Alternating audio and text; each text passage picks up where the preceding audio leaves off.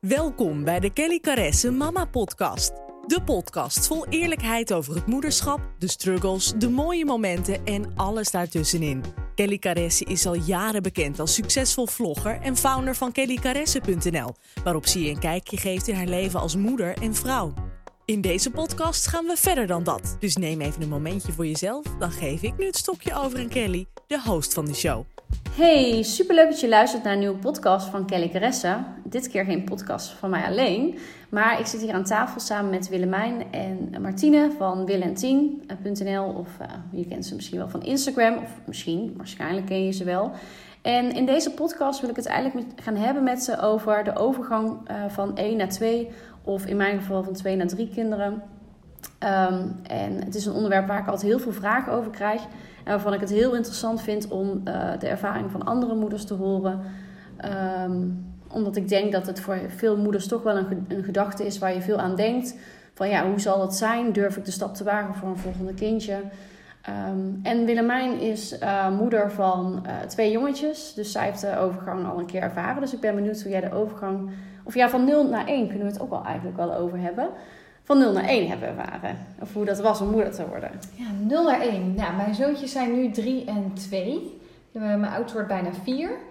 Uh, ik vond de overgang van 0 naar 1... Uh, ik, ik vond moeder worden heel heftig. De overgang qua leven vond ik niet zo heel heftig in het begin. Maar ik vond het moederschap gewoon heftig. Het, het greep me aan en ik vond het gewoon... Uh, het hebben van een kind heel, heel... Ik was heel erg onzeker. Maar de, de druk die je krijgt vond ik viel me in het begin nog wel mee, maar ik merkte wel in de loop van de maanden begon ik de overgang steeds zwaarder te vinden. In het begin toen hij net geboren was en hij was twee maandjes oud, toen voelde ik me eigenlijk nog heel erg de ouder. Toen dacht ik, ach ja, weet je, ik verschoon wat luiers en doe die voedingen. En het gaat allemaal eigenlijk best wel vanzelf ja. en, en, en makkelijk. Maar op een gegeven moment, met drie maanden, begon het slecht te slapen. En er begonnen ook dingen bij te komen, zoals hapjes op den duur. En uh, vaker wakker. En toen begon de druk, vond ik wel heel erg te groeien. Dus ik vond dat wel een hele heftige overgang in, na verloop van tijd eigenlijk. Ja. Um, en de overgang van 0 naar 2, of van 0 naar 2, dat heb ik natuurlijk niet, ik heb geen tweeling, van 1 naar 2, uh, viel me in die zin heel erg mee.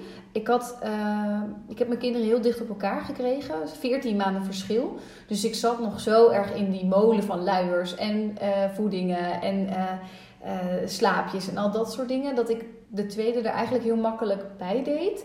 En ons tweede kindje was ook eigenlijk een heel rustig babytje. Waar de eerste eigenlijk veel onrustiger was. Meer moest huilen en meer moest gedragen moest worden.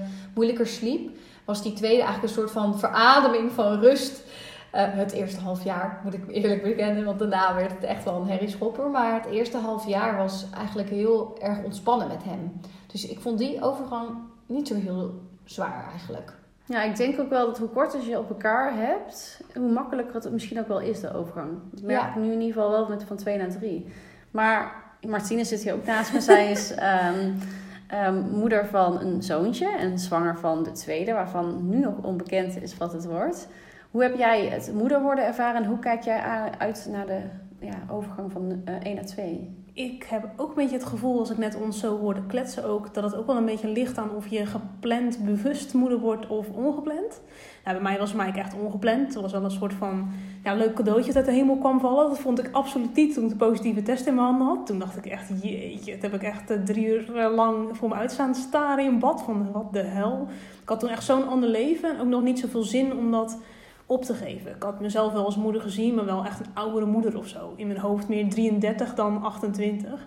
Maar goed, soms loopt het leven nou eenmaal zo. En ik denk ook dat dat soms niet voor niks is.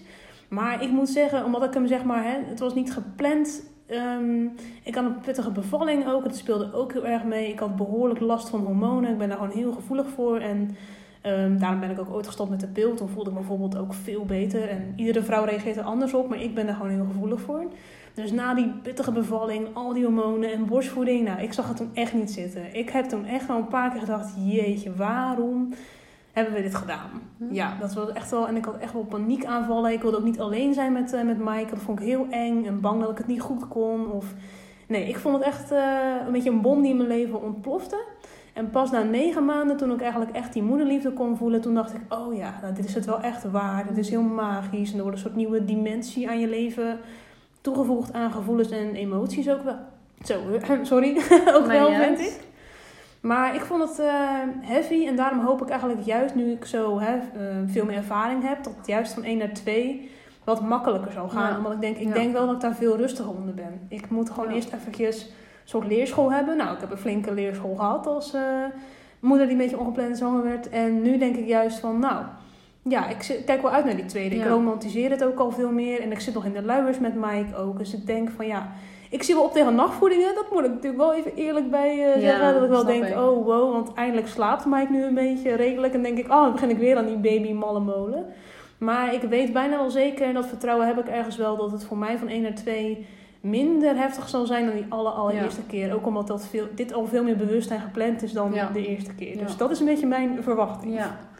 Ja, die tweede keer is gewoon, je weet veel beter wat je kan verwachten. Ja. In het begin, bij mijn eerste kind, schrok ik ook echt van hoe vaak je moest voeden. Ja. Ik had echt geen idee. En al die luiers. En dan oh, in de kraamweek vond ik het ook zo overweldigend dat je moest temperaturen. Oh ja. Schone luier, voeding. En dat dan allemaal moest opschrijven. Ik wist niet wat me overkwam. Terwijl Ja. de tweede kraamweek zei ik... Oh, ik ga s'nachts geen luiers verschonen hoor. Dat, eh, dat, doe, dat doe ik gewoon niet. Nee. En die kraamhulp zei ook, oh prima. Oh ja. Terwijl ik de eerste keer had ik een soort van... Dat ik dacht, oké, dit moet blijkbaar zo. En dat heb ik nog zes weken lang... Heb ik s'nachts luiers zitten verschonen. Elke Zo drie zonde, uur. want er zit helemaal niks in. Precies, het is zo, zo zonde. Dat is wel een En- tip voor deze podcast. Ja. Hè? Inderdaad, Willemijn zei. Ik, het is dat Willemijn tegen mij ook zei over die nachtluiers bij Mike. Van joh, eh, die- gelukkig zijn Willemijn echt na twee weken al van tien. Kun je gewoon mee stoppen hoor. Ja. Kan, kun je gewoon aan. Daar was ik echt al zo ontzettend blij mee. Dus Ja. voor de moeders die dat nog steeds doen of gaan bevallen straks. Echt na die kraamweek hoef je het echt niet meer te doen. Nee. En als je er geen zin in hebt, Helemaal doe niet. het dan ook gewoon nee, niet. Nee. Nee. S'nachts staat ze er ook niet naast, hè? Nee.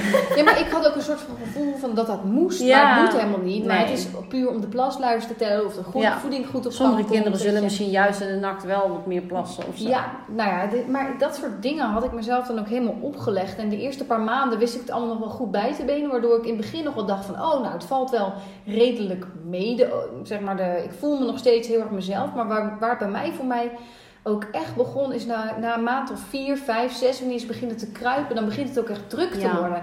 Laat staan als ze gaan lopen, dan is het helemaal dat je denkt, holy cow, wat gebeurt ja, hier? ja. Dat vond ik bij mijn eerste kind wel echt heel pittig. Gewoon die hele... De druk die er op je agenda komt, Ja. die er op je huishouden staat, die er op jou als ontspanning, wat is dat? Ja, ja, ja. Dat vond ik wel, eh, wel pittig. ja. Ja. Ja, vooral die bal in de lucht houden ook, Ja. weet je wel. En ook met borstvoeding, als je ermee begint, je hebt gewoon geen idee wat je aan het doen Nee, bent, weet nee. je wel. Je, je weet het niet en je weet wel, je, je kan het in de boeken lezen, hè. bijvoorbeeld zoals je kindje gaat afvallen in het begin, dat is normaal. En toch, als je Maar dan borstvoeding moeder bent... laat zich ook bijna niet meten volgens de boekjes. Nee, maar ook zeg maar, of het nou fles dan of borstvoeding is, zeg maar in het begin, ze vallen toch eigenlijk af. Hè? En dan toch, je kan het lezen, maar als je het echt ervaringsgericht meemaakt, Ja, ja, dan denk je echt, oh, hij valt af. En ik Werd bijvoorbeeld ook echt misselijk van het woord, ja, het is wel wat uraten in de luiber. Met Ik andere woorden, dat, nou, dat zijn hele geconcentreerde stipjes plas. In, eh of nou, je rode gloed. Met je, Oh, met je, met je oké. rood. Dan, dan plassen ze eigenlijk te weinig. Met andere woorden, er komt te weinig Voeding vocht binnen. binnen. Oh ja, precies. Ja, dus zeg maar op dat moment, weet je, dan ben je onzeker. En dan beginnen ze over dat, soort woorden als uraten. En dan denk je, oh, het gaat helemaal mis. En ik ben wel echt blij dat ik denk, gelukkig weet ik nu Ja, dat dit ook gewoon erbij kan Ja. horen. Dat het helemaal niet zo'n ramp is. En dat, dat je niet zo groot hoeft te maken allemaal. Maar in het begin is het denk ik voor sommige mensen, nou ik ben er een van, alsof het gewoon een bom is die in je leven ontploft. En ik denk bij die tweede wel van, jij zei al eerder tegen mij van... eh, van 1 naar 2, ik wil je niet ontmoedigen, zei Ja. Dat maar- vind, ik heftig, maar dat ligt misschien maar net aan de Ja. perceptie die je hebt Ja. bij je eerste, kan ik me zo voorstellen. Wat- ja, wat- bij mij zat wat meer. jou hoe oud is jouw eerste als de tweede komt? Nou, dan is Mike twee jaar en twee maanden. Oh ja, Lana was twee jaar en vier maanden. Waarom Ehm, vond je dat dan zo pittig? Ja, ik weet nog dat ik het heel... Lana die ging lopen en eh, ik denk ook dat ik bij mijn eerste ook veel, veel meer erop zat, veel onzekerder was. Ehm, en ik had het heel erg geromantiseerd. Niet om je niet om weer te ontmoeten. Nee, nee, nee, nee, maar dat is, zeg maar jouw, jouw Ja, waarheid, en hè? ehm, nou ging het heel slecht met Amy met de borstvoeding bijvoorbeeld. En ik had verwacht, nou, ik had Lana anderhalf jaar gevoed. Nou, dat, dat, dat is voor mij in de wieg gelegd. Dat doe ik zo weer even. Maar zij ehm, dronk gewoon niet goed en dat was niet goed. Dus zij viel heel veel af. Maar ik was de moeder, ah joh, maak me niet druk, want eh, ik weet dat dat goed komt. Maar op een gegeven moment ging ze zich wel echt zorgen maken.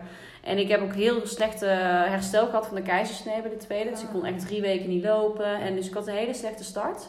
Hmm. Dat Dat ik echt denk, wat overkomt me. Bij de eerste was ik eigenlijk vrij snel weer mobiel na de keizersnee. Ja, en dat speelt zoveel mee. Ja. Ja, de, start, dat hoor je toch wel vaker. Echt de Ja. start naar je bevalling, Ja, zeg maar. Dat absoluut. is, maakt, heeft zoveel invloed op de rest van die eh, hele, zeg maar, vierde trimester, om het zo maar te Ja, noemen. en eh, mijn man, eh, bij, na de tweede moest hij echt vrijwel meteen weer werken. Hij was heel veel alleen. En ik was dan ook nog dat ik nauwelijks kon lopen. Dus voor mijn gevoel overleefde ik echt in, rondom het bed. En dan Lana maar die iPad geven, dat ik, dat ik Amy maar wat kon doen.